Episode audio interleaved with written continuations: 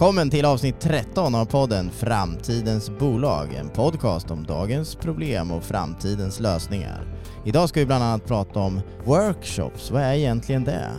Och medverkande idag är Alexander, David och Erik. Nu kör vi!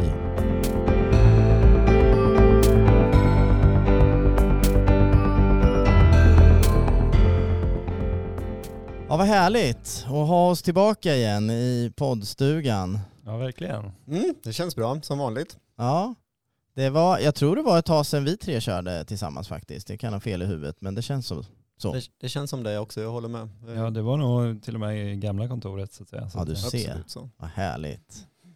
att få hänga här och titta ut och njuta av, av, av att eh, ha så mycket tankar och grejer att diskutera. Men däremot så kan vi säga att vi kommer idag vi, vi kommer idag och faktiskt även nästa gång köra lite, lite ja, testa lite, lite nya format kan man säga. Så det ska vi berätta mer om sen i slutet, vad som händer nästa gång. Men den här gången kan vi väl bara förbereda oss på att vi kommer köra lite kortare, eh, mer slimmat idag. Eh, för den som behöver på en lagom promenad till jobbet eller ett lagom träningspass, kanske blir en halvtimme ungefär. Och eh, vi har två, två teman idag, två områden idag som vi kommer att prata om istället för tre. Då, så att det blir spännande, utmana oss lite. Ja, Mm, så är det. ja. så att i, i, när det gäller veckans spaning idag så tänker jag att jag tänker lämna över ordet till dig David och ställa frågan till dig. Vad är en bra strategi? Just det. Jo, och det här, det här ämnet som, som, som det blev nu då, det, det kommer ifrån att jag håller på med någon form av, ja men lite vårstädning kan man säga, och en annorlunda form av vårstädning. Ehm, jag gillar ju att läsa som jag nämnt i, i podden tidigare, men eh, när man gillar att läsa och, och gillar att liksom ha koll på böcker så händer det ju ganska ofta att man köper böcker som sen inte riktigt blir lästa. Ehm, det kan, kan bero på flera olika orsaker, att de kanske känns lite för tunga, inte riktigt passar just då, eller just den här liksom intresset som man hade när man spanade upp boken, det kanske har lagt sig något då. Så det som, eh, men, men nu har jag tagit en, liksom, en liten duktighetssväng kan man väl säga, där jag försöker målmedvetet läsa de där böckerna som har blivit stående i bokhyllan eh, hemma. Då. Och eh, en av de böckerna var en bok om strategi. Eh, en bok som heter eh, Good Strategy, Bad Strategy av eh, Richard Rummelt, tror jag han heter. Um, och ja, men den har nog stått i bokhyllan i, i tio år, eller jag vet att den har stått i bokhyllan i tio år. Så den, den gavs ut för ehm, um, 11-12 år sedan någonstans där och blev en liten snackis då. Uh, jag köpte den men, men har inte kommit till skott riktigt än då. Och den var riktigt bra eh, tycker jag. Eh, riktigt, eh, liksom, ska vi säga, man kan ju få olika känslor av, av olika böcker och, och en del får man känslan av att, att där är det någon som bara sitter och gissar och i andra böcker de, de känns mer som liksom lite vetenskapligt eller erfarenhetsmässigt förankrade och, och det här är ju en, en, en av, de, av den senare kategorin då, så att säga som känns som att den har riktigt mycket, att den är väl underbyggd då. Och korthet bara om man ska summera boken så handlar det egentligen om, om vad som är en strategi då och i synnerhet då en strategi för företag även om man kommer in på mili militärstrategi och andra typer av liksom strategimönster också då. Men, eh, nej, men ett, ett, ett, ett, ett läsvärt bok, boktips kan man väl säga och, och en takeaway från den här boken är ju att en, en strategi är inte bara ett mål om man säger så. Det är ju vanligt att man som företag sätter upp att nu ska vi växa med 25% eller 50% Mm. så. Liksom. Och så klappar man sig själv på axeln och känner sig nöjd och sen är det bara att och öka intäkter och minska kostnader så, så når man dit om man säger så. Men, men där är ju den här författaren då ganska noggrann med att säga att det är ju inte det som är en strategi om man säger så, utan att en strategi består av flera delar. Mm. Så, Ehm, ja, så, så, så det är bra intressant boktips och, och ehm, så. Ehm, vad, vad tänker ni kring strategi? Vad, vad är strategi för er? Ja, när du säger det här så, så kommer jag att tänka på något jag läste förra året någon gång kring eh, man kan ha en, ett måldrivet angreppssätt eller en visionsdriven. Eh, om du sätter upp en vision eh, då, kan, då tar du sen fram strategier. Hur ska vi uppnå den här visionen? Eh, och sen kan man om man vill sätta upp mål som, som liksom längre ner liksom om man Mm. säger eh, som är mer här och nu men det är inte lika viktigt då om man har det angreppssättet. Men om man, om man istället som väldigt vanligt då börjar med målen och har en mål, måldriven, goal-driven approach då, då, då sätter du en siffra, du tar den från luften eller bara ah, det vore inte häftigt om vi var dubbelt så många liksom, eller, eller en tredjedel eller någonting. Eh, och sen räknar du ut en strategi, hur ska vi nå dit? Eh, och när jag läste det så insåg jag att ja, det är därför jag ibland har lite svårt med mål. Mm. För att för mig blir det baklänges. Mm. Jag tror ju mer på att eh, jobba med strategierna först och sen estimera vad är rimligt att, att ta sig med de här strategierna. Mm. Eh, men eh, det finns olika angreppssätt. Och det som är intressant med, med det som du beskriver där, så, och det är ju väldigt populärt och vanligt att jobba liksom med, med smarta mål om man ska se det så, liksom att, att sätta upp mål och delmål och sen kommer man till sitt mål till slut. Det, det är Mm. så enkelt man tänker. Samtidigt så är det ju också så, jag menar, sätter man en, en, en, ett mål kring att man ska växa med 20 procent, eh, då är det ju, gör man rätt saker så lyckas man med det. Mm. Men egentligen så är det ju ingenting som säger att man hade kanske kunnat växa med 40 procent. Liksom. Alltså just Mm. det här målet kan ju också vara begränsande i vissa fall. Så, Mm. Ehm, och sen, så jag håller med dig och, och jag tycker vi är ju bra på att, att, att ledas av det som vi brukar kalla för ledstjärnor, liksom lite grann den här stora visionen om man Mm. säger så. Men det kan ju också vara lite svårt att agera emot om man säger så. Mm. Det är där de här målen kommer in. Liksom att mål är ju ett sätt att agera, att hitta ett, ett liksom hur i varför om man säger så. Och det som jag tycker att den här boken då, Good Strategy, Bad Strategy, eh, tar upp som jag tycker är en intressant aspekt av det, det är att han, han, han föreslår också att det finns ett mellanlager mellan mål och vision som är det som han mer menar är guiding principles, som man säger Mm. så, alltså guidande principer just som det, man just kan, det. man kan agera på dem varje dag, men de är inte riktigt lika tydliga som mål som är ja, lite Mm. boxade och begränsade på det sättet. Det tycker jag är en intressant, intressant tanke och jag tror att det finns mycket sånt som vi lite naturligt använder eh, inom tech i synnerhet då, eh, som finns bland annat i det agila arbetssättet som är lite grann guidande principer liksom för hur man tar sig effektivt framåt. Eh, och jag tror att vi, vi är lite hjälpta av det sättet att arbeta även när vi jobbar med företagsstrategi. Mm. Ja, det är sant. Men om, man, om jag sitter och, eller det har jag gjort nu, suttit och lyssnat på er här och nyfiket och, funderar, så tänker jag att eh, om jag ska applicera det på hur, hur, hur vi tänker och brukar jobba så, så skulle jag vilja, så känner jag mer igen mig i det Alexander då pratar om, eller det du också pratar om David, med att tänka och ha ett syfte eller en, en vision eh, först. Eh, och det är det som, som på något sätt spänner över allting annat och det är det som, som, som, som är övergripande. Men, men sen för att göra det någonstans mer, eh, lite mer tydligt, lite mer så hur man kan agera på det i, i, i vardagen, Mm. Så tänker jag att, att vi har ju, så har vi ju, försöker vi ju använda oss som någon form, man kan säga, jag känner igen mig där du beskriver egentligen guidande principer. Mm. Kan, vi, vi, vi pratar ju kollektiv intelligens till exempel, vi, vi, det, vi kommer ju prata om det senare också, men alltså att, att för oss till exempel, alltså vi, vi tror ju väldigt mycket på mötet mellan människor, att det, det är en, en viktig del för, för oss, att, att, och, och följer vi det och, och, och liksom, vad ska man säga, ja, det finns så mycket att berätta om det, men, menar, men, men, men, men tar vi hand om varandra, tänker stort och gott och långsiktigt och liksom så vidare så, så, så vet vi att vi kommer eh, både kunna uppnå monetära resultat men även, även eh, närma oss vår vision så att säga. Så, så någonstans så, så måste man, man ju börja försöka förstå, eh, plocka ner den där visionen eller ett varför. Vad, hur, hur, ska man, hur ska man då leva i vardagen så att säga? Precis. Och fundera på det. Och det som vi gör i, i det som du beskriver där tycker jag också är, det, det är spännande så för, för ehm, den här boken då. Eh, den pratar ju mycket om det här med att, att strategi ska vara ett hantverk om man säger så. Ja. Man ska medvetet ta fram en strategi utifrån vad man ser på marknaden. Ja. Eh, och, och kanske luckor som finns på marknaden och sen Ja. vad som är ens egna fördelar. Och det är ju exakt det som du beskriver där. Erik. Att vi jobbar ju i en bransch, tech och konsultbranschen, som är ganska individfokuserad. Ja. Och där vet vi att vi har ju en fördel i form av våra teamupplägg och vårt teamarbete och den här Ja. kollektiva intelligensen som du säger. Mm. Så, så det är ju en, en, en medveten strategi för att bygga på våra styrkor egentligen så. Mm. så Jättebra. check på den. Check det är bra den. formulerat faktiskt. Eh, Bra att sätta sig och reflektera och, och förstå sig själv ibland. Så, och det vi gör också som du säger då David är att vi hittar luckor i, i, i, i omgivningen i det avseendet. Det är ju det vi faktiskt har gjort och Precis. gör.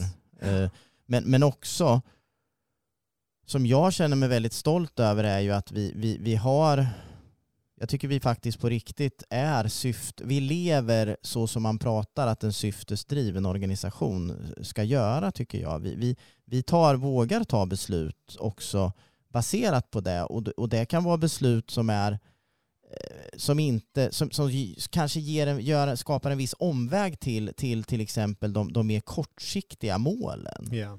Och det tycker jag är viktigt och det, det, det tycker jag Alltså jag har ju, det vet ju ni sedan tidigare, det har ni väl säkert hört ni lyssnar i podden också, att jag har ett komplicerat förhållningssätt till mål. Eh, I grund och botten så är inte jag så förtjust i mål, Mm. eh, i, i mät, mätbara mål. Eh, jag tror ju mycket mer på målbilder och, och, och mer dynamiskt anpassningsbara mål kan man säga, som, som faktiskt liksom hela tiden är är liksom mm, adaptiva eller anpassningsbara till, till vad som händer i, Mm. i omgivningen. Sätter man ett hårt fast mål eh, i början på året till exempel så, så vet man ju inte alls hur relevant det kommer vara Nej, under resten av precis. året. Men, men, men jag ska inte fastna för länge där, för det, vi får ta ett helt avsnitt om mål tycker jag vid annan tillfälle. Men, men, men, men det, jag, det, det jag känner med, med mål är ju att det är väldigt lätt att missa saker. Man, man, man blir så smal i sin fokus. Det, det, det kan jag uppskatta väldigt mycket med att jobba syftesdrivet. Det, det, det blir mycket starkare och man har en kompassriktning och man, man, man står väldigt stadigt och kan hantera oförutsedda situationer i min upplevelse om man jobbar ordentligt med en sån organisation. Så, så för mig så blir jag väldigt glad när jag hör också att, att den där strategiboken och det Alexander också refererar till, att, att, att det faktiskt också finns andra som, som ser att det, det, det, det är ett sätt att jobba långsiktigt och strategiskt. Och det vet vi från andra sammanhang också. Vi kan ju kolla på den här Start with Why till exempel med Simon Sinek som refererar till ett antal väldigt framgångsrika bolag som, som just har börjat eller har ett, ett, någonting större som de jobbar mot eh, som, som är överordnat så att säga. Men, men det, i min bok så är det väldigt få som, som på riktigt lever där. De flesta eh, jobbar väldigt annorlunda. Alltså de flesta tycker jag sätter målen eh, som för viktiga så att säga. Mm. Ja, men, och det är nog viktigt att ha med sig den medvetenheten också när man jobbar väldigt måldrivet och väldigt, eh, ska vi säga, fokuserat. Att det, det har ju absolut sina styrkor, men sen är det som du är inne på där också, Erik, att det, det kan ju vara begränsande om man säger så. Ja, Och viktigt att ha med sig den, den, ska vi säga, den uppmärksamheten kring att när jag nu jobbar mot ett mål med tydliga actions, vad Ja. är det då som jag inte gör? Exakt. säger så. och det är ju det jag menar. Och sen, sen, sen är man medveten om allt det här så, så, så är jag fine med det. För jag fattar också att, att man kan få en effekt av att sätta mål och det kan bli tydligt och man kan bli motiverad.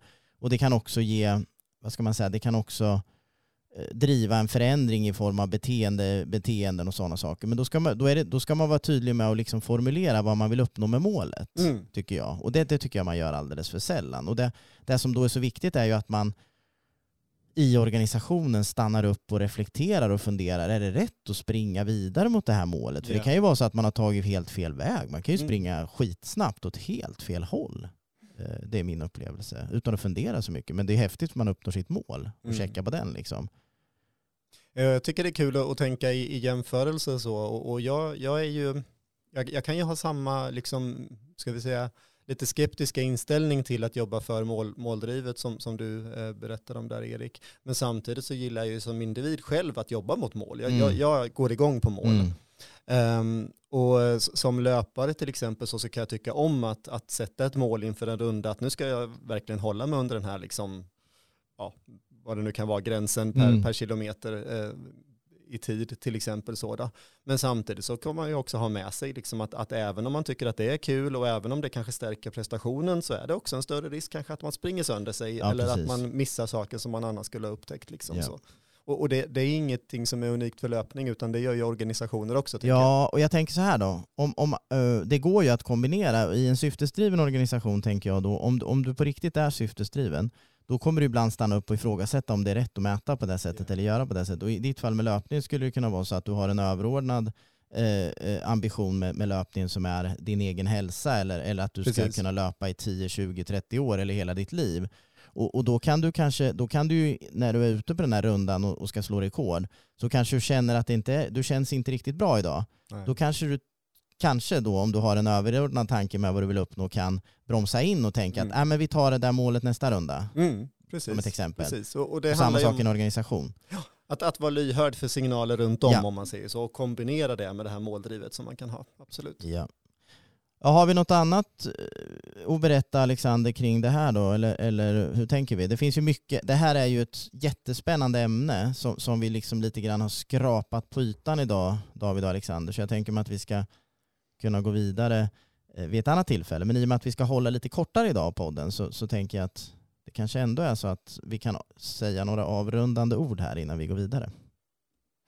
Ja, men det, och det, det är väl, jag tror att har man ett tänk kring strategi, och det kan ju faktiskt både vara en företagsstrategi eller rent av strategi för sitt eget liv om man säger så. Ja. Men, men jobbar man med det medvetet om man säger så och försöker liksom analysera situationen och åt vilken riktning man vill, vill gå om man säger så. Och både då kanske inte bara tar första idén som man, man stöter på utan värderar flera idéer, flera alternativa scenarion. Mm. Gör man det så tror jag man gör mer än, än, än vad 95% av, av omgivningen gör om man säger så. Mm. Um, så så det, är väl, det, är väl, det är väl bra och intressant. Ja, men eh, spännande. Spännande. Jag, så här, jag har fått ett boktips här och jag ser om jag lånar den av dig eller köper den. Mm, mm. Och, och jag kan avrunda med ytterligare en grej här som, som spinner loss i mitt huvud som vi får också ta vidare vid annat tillfälle. Det finns ju, det finns ju en, bok, en populär bok som heter Reinventing Organizations också, som, som, eh, där man pratar om egentligen olika paradigmer. Eh, och jag tänker nu när vi pratar om det här med strategier, utan att veta, men jag kan tänka mig att, att kopplar man det till den, den, den boken och det här med paradigm, paradigmer så, så, så, så förklarar man och ser man olika på strategier beroende på, på var man befinner sig, tror jag. Ja men så precis. Det, det, det, och apropå eh, ditt boktips där Erik så är det en annan väl, väl, väl underbyggd bok Ja. om man säger så som, som eh, mer kanske beskriver vad som kommer komma liksom, eller vad som är, är på gång att hända när det Ja. gäller ledarskap och företagande. Så, Um, så, så mm. Och, och det, där, det jag refer- tänker då högt här är ju, och det jag tänker vi ska prata mer om i i och med att vi pratar om vad heter framtidens bolag så, så är det ju en bok som, som har hög relevans för oss, framförallt de, de, de, mer, de senare paradigmerna som, som det pratas om så att säga. Eh, men, men, men då också att det i, i framtiden tror jag kommer det vara mer och mer viktigt att jobba med just det här med syfte, vision, alltså att, att tänka anpassa vad, hur man ser på strategiskt arbete. Det är det jag försöker säga här helt enkelt för, för att kunna vara ett framtidens bolag. Precis, och, och båda böckerna liksom har, har gemensamt att, att de be- belyser lite grann risken med att göra som man alltid har gjort Ja. och risken med att göra som alla andra gör om man säger så. Exakt, exakt. Bra, vad härligt hörni. Då gör vi så här att vi studsar vidare till det som får bli huvudtemat den här gången och det är ju då vad är en workshop? Ja, nej men precis.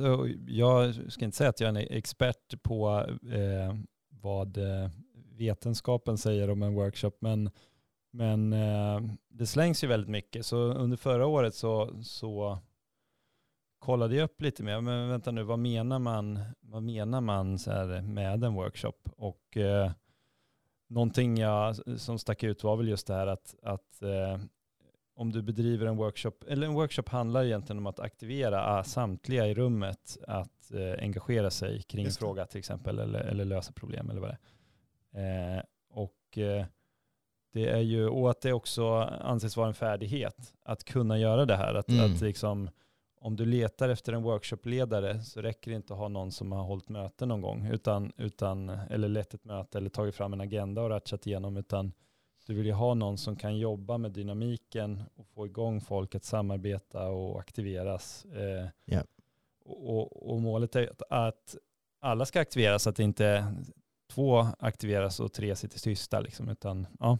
Just det. Och där finns, det ju, där finns det ju en hel del processer, metoder och, och allt vad det är att nörda in sig i om man vill. Jag, jag brukar släppa där ungefär och sen, sen liksom, eh, utforska på egen hand så att säga.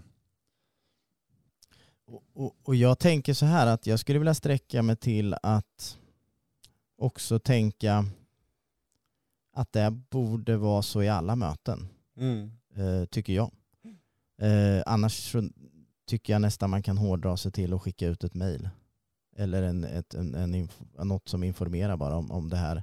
Det här, det här vill jag ha sagt. Så att säga. Nu, nu hårdrar jag det lite. Jag fattar ju att det kan finnas så kallade informationsmöten som är bra att genomföra muntligt. Men, men jag, jag, skulle, jag vill ändå eh, sticka ut hakan och, och utmana eh, omgivningen och till att tänka att ett, ett möte när, när människor möts då ska man dra, då ska man dra nytta av att människor möts och, och låta dem tillsammans komma fram till bättre saker. Vi pratar om kollektiv intelligens, man kan prata om just att ha dialog och bygga vidare på varandras idéer. Och det, det kräver mycket träning vet vi, men, men det är oerhört kraftfullt. Och jag tycker att det, det, det är något som alla organisationer borde sträva emot. Det, när, man pratar om, när man pratar om det här med dåliga möten och att jag bara sitter i möten så känner jag sällan igen mig för att de mötena jag är med i, de mötena vi bedriver hos oss är meningsfulla för det mesta tycker jag.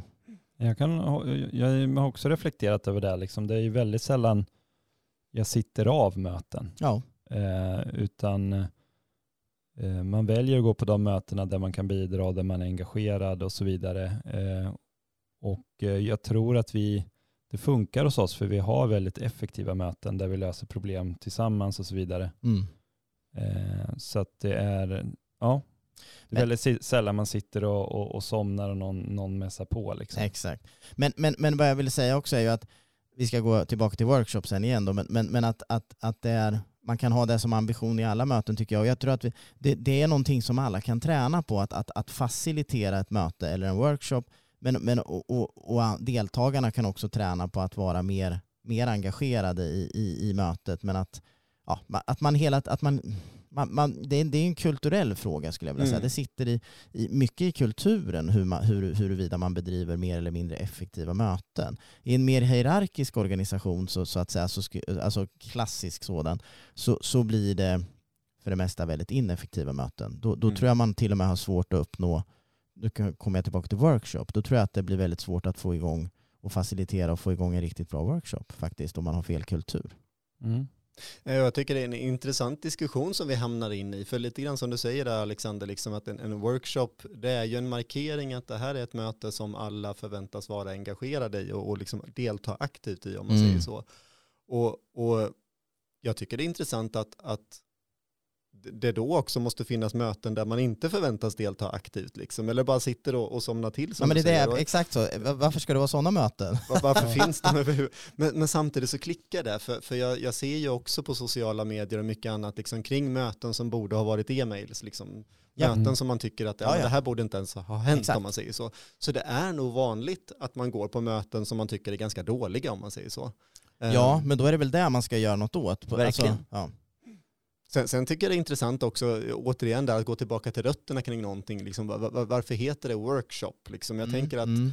workshop tror jag och gissar lite att det kommer från, från, från engelskans liksom ord för verkstad, liksom, eller att det är engelskans ord för verkstad. Och att det då är ett ett, ett möte, en mötesform där man förväntas att här kommer det fram nya saker. Det handlar inte bara om att någon har tänkt någonting och nu ska sprida det till andra, utan att man faktiskt ska, ska ta fram ny kunskap tillsammans, som man mm. säger, så i en form av verkstadsformat. Mm. Och som du säger det Alexander, att det är vanligt att man då har en, en mötesledare, om man säger så, som lite grann modererar den här workshopen och kanske har övningar och, och annat då för att väcka folks eh, hjärnor kring ett ämne. Mm.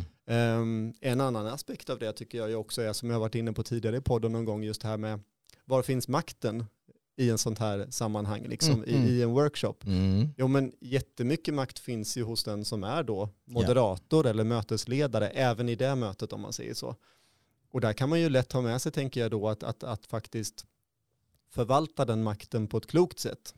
Och, och, får jag bryta in snabbt för jag blir engagerad här? Och det är ju att, att då, då kopplar jag det tillbaka till det jag sa innan med att det sitter i, den, i kulturen. Alltså, det finns liksom inga direkta genvägar. Människor söker gärna genvägar och, och, och, och folk tycker det, det, det, man pratar ju ofta gärna om kultur men, och alla tycker att den är så bra där de, såklart. men, men, men om man verkligen, alltså vill man komma ner på djupet på de här frågorna så måste man faktiskt jobba med, med mycket mer långsiktigt och beständigt med att skapa rätt förutsättningar för att kunna bedriva bra möten. Så här, psykologisk trygghet, du måste visa tillit, du måste våga göra fel. Du måste, de grejerna måste du ha jobbat med och tränat på innan. Och du måste ha en organisation där, som du säger, det är väldigt intressant det där att det finns en oerhörd maktfaktor i, i att vara eh, sammankallande i ett möte eller, eller i, i, i, eller den som faciliterar en workshop. Mm. Mm. För det är ju, därför också så är det ju väldigt svårt och det ställer stora krav på dig. Absolut. Och är det fel individ så kommer det, mötet inte bli bra. Det vill säga, eller, eller fel, om har man fel värderingar och fel sätt att se på saker, då kommer jag tillbaka till kultur igen och vad man, vad man har för värdegrund så att säga Kommer man från en mer hierarkisk sådan så kommer det, finns, är risken stor att det blir en monolog och inte Mm. en, en dialog skulle jag vilja säga. För att då kommer man använda sin makt för att styra mötet av maktkaraktär så att säga. Eh, Ett annat, nu, nu är du väldigt inne också här Erik, eh, vilket är spännande på hur man skapar en, en vad ska man säga, en workshop-anda i, Mm. i sin egen organisation kanske Exakt, för, exakt. Att, för att eh, kreera och lösa problem och allt vad det är och där alla deltar, där alla är aktiverade och deltar för att eh, bygga liksom framtiden kan vi säga. Ja. Men, men om vi tar ett annat, ett annat enklare men också svårare scenario där vi eh, där man som konsult kommer ut till en annan organisation. Just det. Eh, det är också ett vanligt scenario. Då, då, då har du inte de här förutsättningarna att du kan jobba med den organisationens, eh, många gånger har du inte det i alla fall, med den organisationens kultur, utan du måste då på den här workshopen eh, snabbt skapa en psykologisk trygghet i det rummet, Bra. där alla slappnar av, Bra. där man engageras och aktiveras och allt vad det är. Och jag tänker, här vill jag gärna höra hur ni tänker, hur, vad kan man göra för att uppnå det? Men jag tänker att, att en viktig grej är ju liksom hur man öppnar mötet och hur, Ja. att, man, att man tar tid för att lära känna varandra lite grann. Man kanske har lite mingel innan vid kaffeautomaten. Eh, man bygger broar mellan varandra och liksom, man kan inte ha den här eh, mastodontagendan som man ska ratcha igenom. Då, ring, då hinner man inte nå dit. Man, man måste ta lite chill i början kanske. Eller vad tänker ni? Ja, men Ja. jag tror det är jätteviktigt som du säger och någonstans när man kommer som extern part in i en, en organisation som ja, i konsultfallet som du beskriver där eller överhuvudtaget när man kommer till ett företag som man kanske inte är en del av normalt sett om man Mm. säger så. Det är ju lite grann som att, att jag menar jag är min familj, jag, jag Mm. vet ju mycket saker om min familj och jag vet ju liksom vad vi har för kultur och hur vi förhåller oss mot varandra, eller till varandra och sådär. Och lite likadant är det ju inom ett företag. Mm. Kommer man då som en extern part, då, då, då, då, då känner man ju sig själv kanske inte riktigt att man känner till eh, bolaget i fråga. Men, men vad viktigare är att, att de som man håller workshop för, om man säger så, de vet ju inte så mycket om dig heller. Det. Om man inte liksom bemödar sig med att berätta det, liksom, eller Mm. sätter förväntningar inför mötet, om man säger så. Och det tar tid, som du är inne på där, Alexander, just att säga liksom att ja, men nu när vi har den här workshopen då tänker vi så här, eller målet är det här, eller Mm. vi ska prata om de här frågorna. Liksom så. Ehm, och sen används ju det ibland som, som eh, en, ett, ett verktyg, att Mm. ta in fräscha influenser utifrån. Liksom. Mm. Eller den här gången så tar vi in någon utifrån för det, det kan hjälpa oss på det här och det här sättet. Liksom.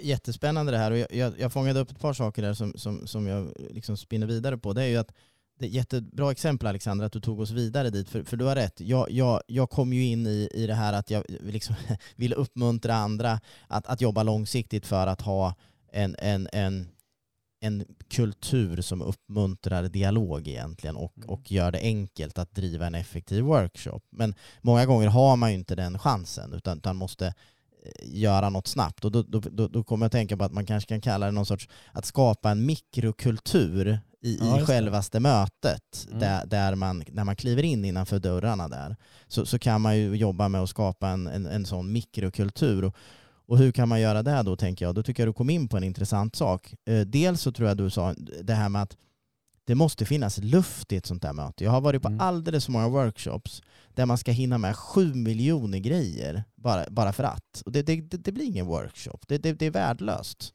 Det blir Mm. inget, inget roligt möte, det blir ingenting. Det bara ska dundra igenom agendapunkter. Värdelöst. Nej, nej, nej säger jag. Mm. Sluta.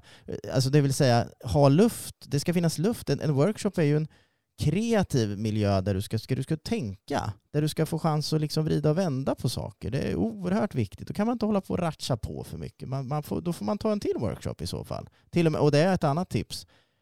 Dela upp en workshop i flera delar. Alltså att, tänk lite agilt här. Tänk lite mer iterativt så att säga. För oftast så händer det saker mellan tillfällen också. Mm. Eh, och som, för, som, inte företagsledare, som facilitator då, eller, eller som man ska säga moderator här, så har man ju en väldigt viktig roll att skapa den här mikrokulturen. Det är ju där man har chans att göra. Antingen kliver du in och är diktatorn eller så kliver du in och skapar en, den här kulturen av, av delande och glädje. Liksom. Och då, då får man hitta olika mekanismer för det. Jag ska snart släppa in vidare David här, för nu pratar jag på mycket. Men, men, men ett, en grej då direkt är ju hur man börjar och startar. Mm. Jättebra med check-in tycker jag till exempel. Mm. Alltså jag, hitta Vad är en check-in då? Ja men det, det, det, den, den check-inen jag gillar, det finns ju såna här lättsamma check-ins, men jag gillar ju check-in som är som får människor att stanna upp och landa i, nu, i mötet. Liksom. Folk kommer ju från olika håll. Man kanske ska prata, ha en strategisk workshop, man ska lyfta blicken. Så kommer man från att ha suttit i Excel eller i kod eller något. Mm. Då måste man liksom hitta någonting. Då kan ett sätt vara att man får chansen att liksom landa in i möte genom att berätta lite om vad man, ja, hur man mår, var man kommer ifrån. Man, man kanske inte kan vara för personlig och privat när man inte känner varandra, men ändå skapa en känsla av att här sitter vi faktiskt och lyssnar på var och ens situation och nuläge. Liksom. Så man får berätta någon minut eller två om, inte vad man jobbar med, inte att man är chef eller något annat, utan att man, man berättar vem är jag just nu, eller var, var befinner jag mig just nu? i Något som får en att slappna av då Ja. egentligen? Ja. Eh, Ja men intressant det du säger där E- Erik tycker jag, just, just kring incheckning som jag tycker är en god vana som vi använder. Ehm, och det handlar ju lite, eller det handlar ju väldigt mycket om det som, som också Alexander säger där, liksom hur skapar vi de bästa förutsättningarna för det här mötet liksom. Ja, Eh, en, och en del i det liksom är ju att, att berätta vad syftet med mötet är. Men en annan del är också att försöka mappa upp lite grann, var är vi? Vi som är deltagare i Mm. mötet, var kommer vi ifrån? Mm. För det är också en viktig grej för, för förutsättningarna just. Har man haft en skitdålig morgon, då kanske man inte är jordens mest kreativa Nej. människa. Och, och det kan man fånga upp i en sån här incheckning. Exakt. Och en annan bra effekt som jag tycker en incheckning ger också det är att det belyser det faktum att vi är inte maskiner som Ja, ska producera precis. utan att vi är människor liksom med allt vad det innebär. Eh, Så. Jättebra. Det är det som är hela grejen. Bra David. Ja, det är intressant. Och jag tänker liksom bara avrunda här då med några, några konkreta tips. Nå, någonting, eh, ja men just det här när, när, man, eh, när man till exempel är på en ny plats eller en ny organisation eller ett nytt sammanhang, då, då är det nog bättre, eller då kan det vara väldigt bra att luta sig till någon metodik i workshopen, eh, där man sätter ramarna och nu funkar det så här. Det behövs, behöver nog vara mer strukturerat. Eh, om man, om man lever i det och är väldigt van med, med en workshopkultur, då behöver man inte vara lika strukturerad, tänker jag. Men, men några tips är väl den här äh, klassiska lappövningen till exempel, att man, eh, man eh, tar fem minuter eller vad det är. Eh, man lägger upp en frågeställning eller två på bordet och så tar man fem minuter där, eller tio, där alla får sitta och tänka på sin egen kammare eller i rummet då, men, men tänka för sig själv och skriva på lappar. Eh, Det intressanta med det är att då kommer alla ås, allas åsikter fram innan man har börjat färga varandra. Just det. Mm. För eh, det som händer annars är att kanske en stark person med starka åsikter eh, pratar först Mm. och, och färgar då resten och då hakar de på. Och då går man miste om den här floran av idéer. Ja. ja, Ja. men det är helt rätt. Så, så det är ju en vä- väldigt, väldigt bra tips. Och sen brukar man då eh, få gå igenom laget runt och berätta sina idéer. Eh, och sen eh, diskussion på det. Vill du tillägga något där David? Nej, men jag tycker det fångar upp en intressant grej där just, just kring att ofta är det ju som ett verktyg eller arbetssätt som man använder i en workshop. Mm. Och eh, för många så kan det ju faktiskt vara lite läskigt att gå på en workshop. Um, men, men har man ett verktyg liksom att, att lite grann, ja, men som en ledstång att hålla sig i om man säger så och kanske har berättat om den innan, på workshopen kommer vi göra ungefär så här. Mm. Då, då, återigen där på att skapa bra förutsättningar så, så lyckas man ju ta sig ytterligare ett steg mot att skapa de bästa förutsättningarna i att folk kan lite grann mer för, veta vad som förväntar Ja, sig och ja, men kanske lite släppa garden och lite så. Sen tycker jag det är jätteintressant det du tar upp med, med liksom, återigen en liten sån här makt, maktspaning, liksom, att vem det är som pratar. Är det någon som är liksom väldigt, ska vi säga, som har, har hög status på mötet som säger någonting, då, Mm. då får ju det kanske extra tyngd. Ja. Men en sån här lappövning är ju ett utmärkt sätt att minska den effekten. Ja. Ja, och lappövningen gör att den nyanställda kommer till tals, eller junioren, eller, eller den som inte kan någonting. Och eh, det vet man i en kreativ organisation, att den bästa idén kan ju komma där man inte minst anar det. Liksom. Ja. Så att, Det är den kollektiva intelligensen som kommer in igen där. Ja. Men, eh, och sen, sen tror jag en annan viktig faktor är också vad gör man efter workshopen? För att få en, en bra effekt av en workshop tror jag det är bra att man samlar ihop eh, om en, eh, utkomsten av den och liksom bearbetar efteråt. Eh, speciellt om man har en serie med workshops. Ja. Att man då, för, för folk hinner glömma, går en vecka eller två så hinner man glömma så blir det lätt att man börjar om och så cirkulerar. Så att kan man då bearbeta och sen ha en annan, kanske tar en bit på vägen och sen ha en annan startsträcka i nästa workshop, eller en startpunkt, eh, då man kommit, eh, kommit en bit på vägen. Eh, det är väl ett tips. Supersmart där Alexander tycker jag och det belyser ju också ett, en annan som egentligen borde vara självklart men som jag tror att det är väldigt lätt att missa. Att ett möte är ju inte bara själva mötet utan det är ju lika viktigt vad som händer innan mötet och vad som händer efter mötet om man mm. säger så, eller workshopen mm. i det här fallet då. Ehm, mm. För att få full, full effekt och fullt värde av det. Mm. Så är det ju. Eh, en avrundande fördel också med om man, om man är på en, och ska skapa den här mikrokulturen så att säga så så kan ju vara att köra en, en serie av workshops för, för då lär man känna varandra under resan och, och liksom blir mer och mer på något sätt inkörd och ja, blir mer och mer effektiv och driver bättre och bättre workshops tror jag med, med, när det får gå lite mellan gångerna, lite tid mellan gångerna så man kan efterarbeta och tänka mellan gångerna också. Alla kan det så att säga. Mm. Men, ja, förlåt. Bara en avslutande grej där så tycker jag också att det, det är bra att tänka på som, som facilitator eller mötesledare, workshopledare i det här fallet då, att se hur kan jag göra det här så roligt som möjligt för andra? För, för det är nog också ja. en viktig grej liksom, som, som gör att man, man kommer, vad heter kan, kan producera annat än vad man normalt sett gör under vanliga möten om man säger så. Just att man kommer in och kanske leker möte lite grann med varandra så. Mm. Och då får man gärna, tycker jag, ta ut svängarna lite grann och, och ta med sig rekvisita, liksom ballonger, gummiankor, whatever. Liksom så. Det är underbart. Mm. Och, och, och se, bara för att liksom lite grann markera att ja, men det här är faktiskt någonting mer än bara ett vanligt möte. Så ja. glöm inte att ha kul också. Nej, det är jättebra. Det, det triggar också kreativiteten, att eh, synintrycket av någonting oväntat. Just det, viktig aspekt. Mm. Så ska vi avrunda med det då? Det där tyckte jag var bra, bra avrundningsord. Glöm inte att ha kul också. Precis, Oerhört det tycker jag det låter som utmärkta avslutningsord. Ja, det är jätteviktigt, för då kommer det bra saker ut. Så att, då tackar vi för idag så säger vi så här. Tack för att ni lyssnade. Håll utkik så hör ni oss igen nästa vecka. Ni hittar oss på framtidensbolag.se och i er podcast-app. Hej då! Hej då! Hej då!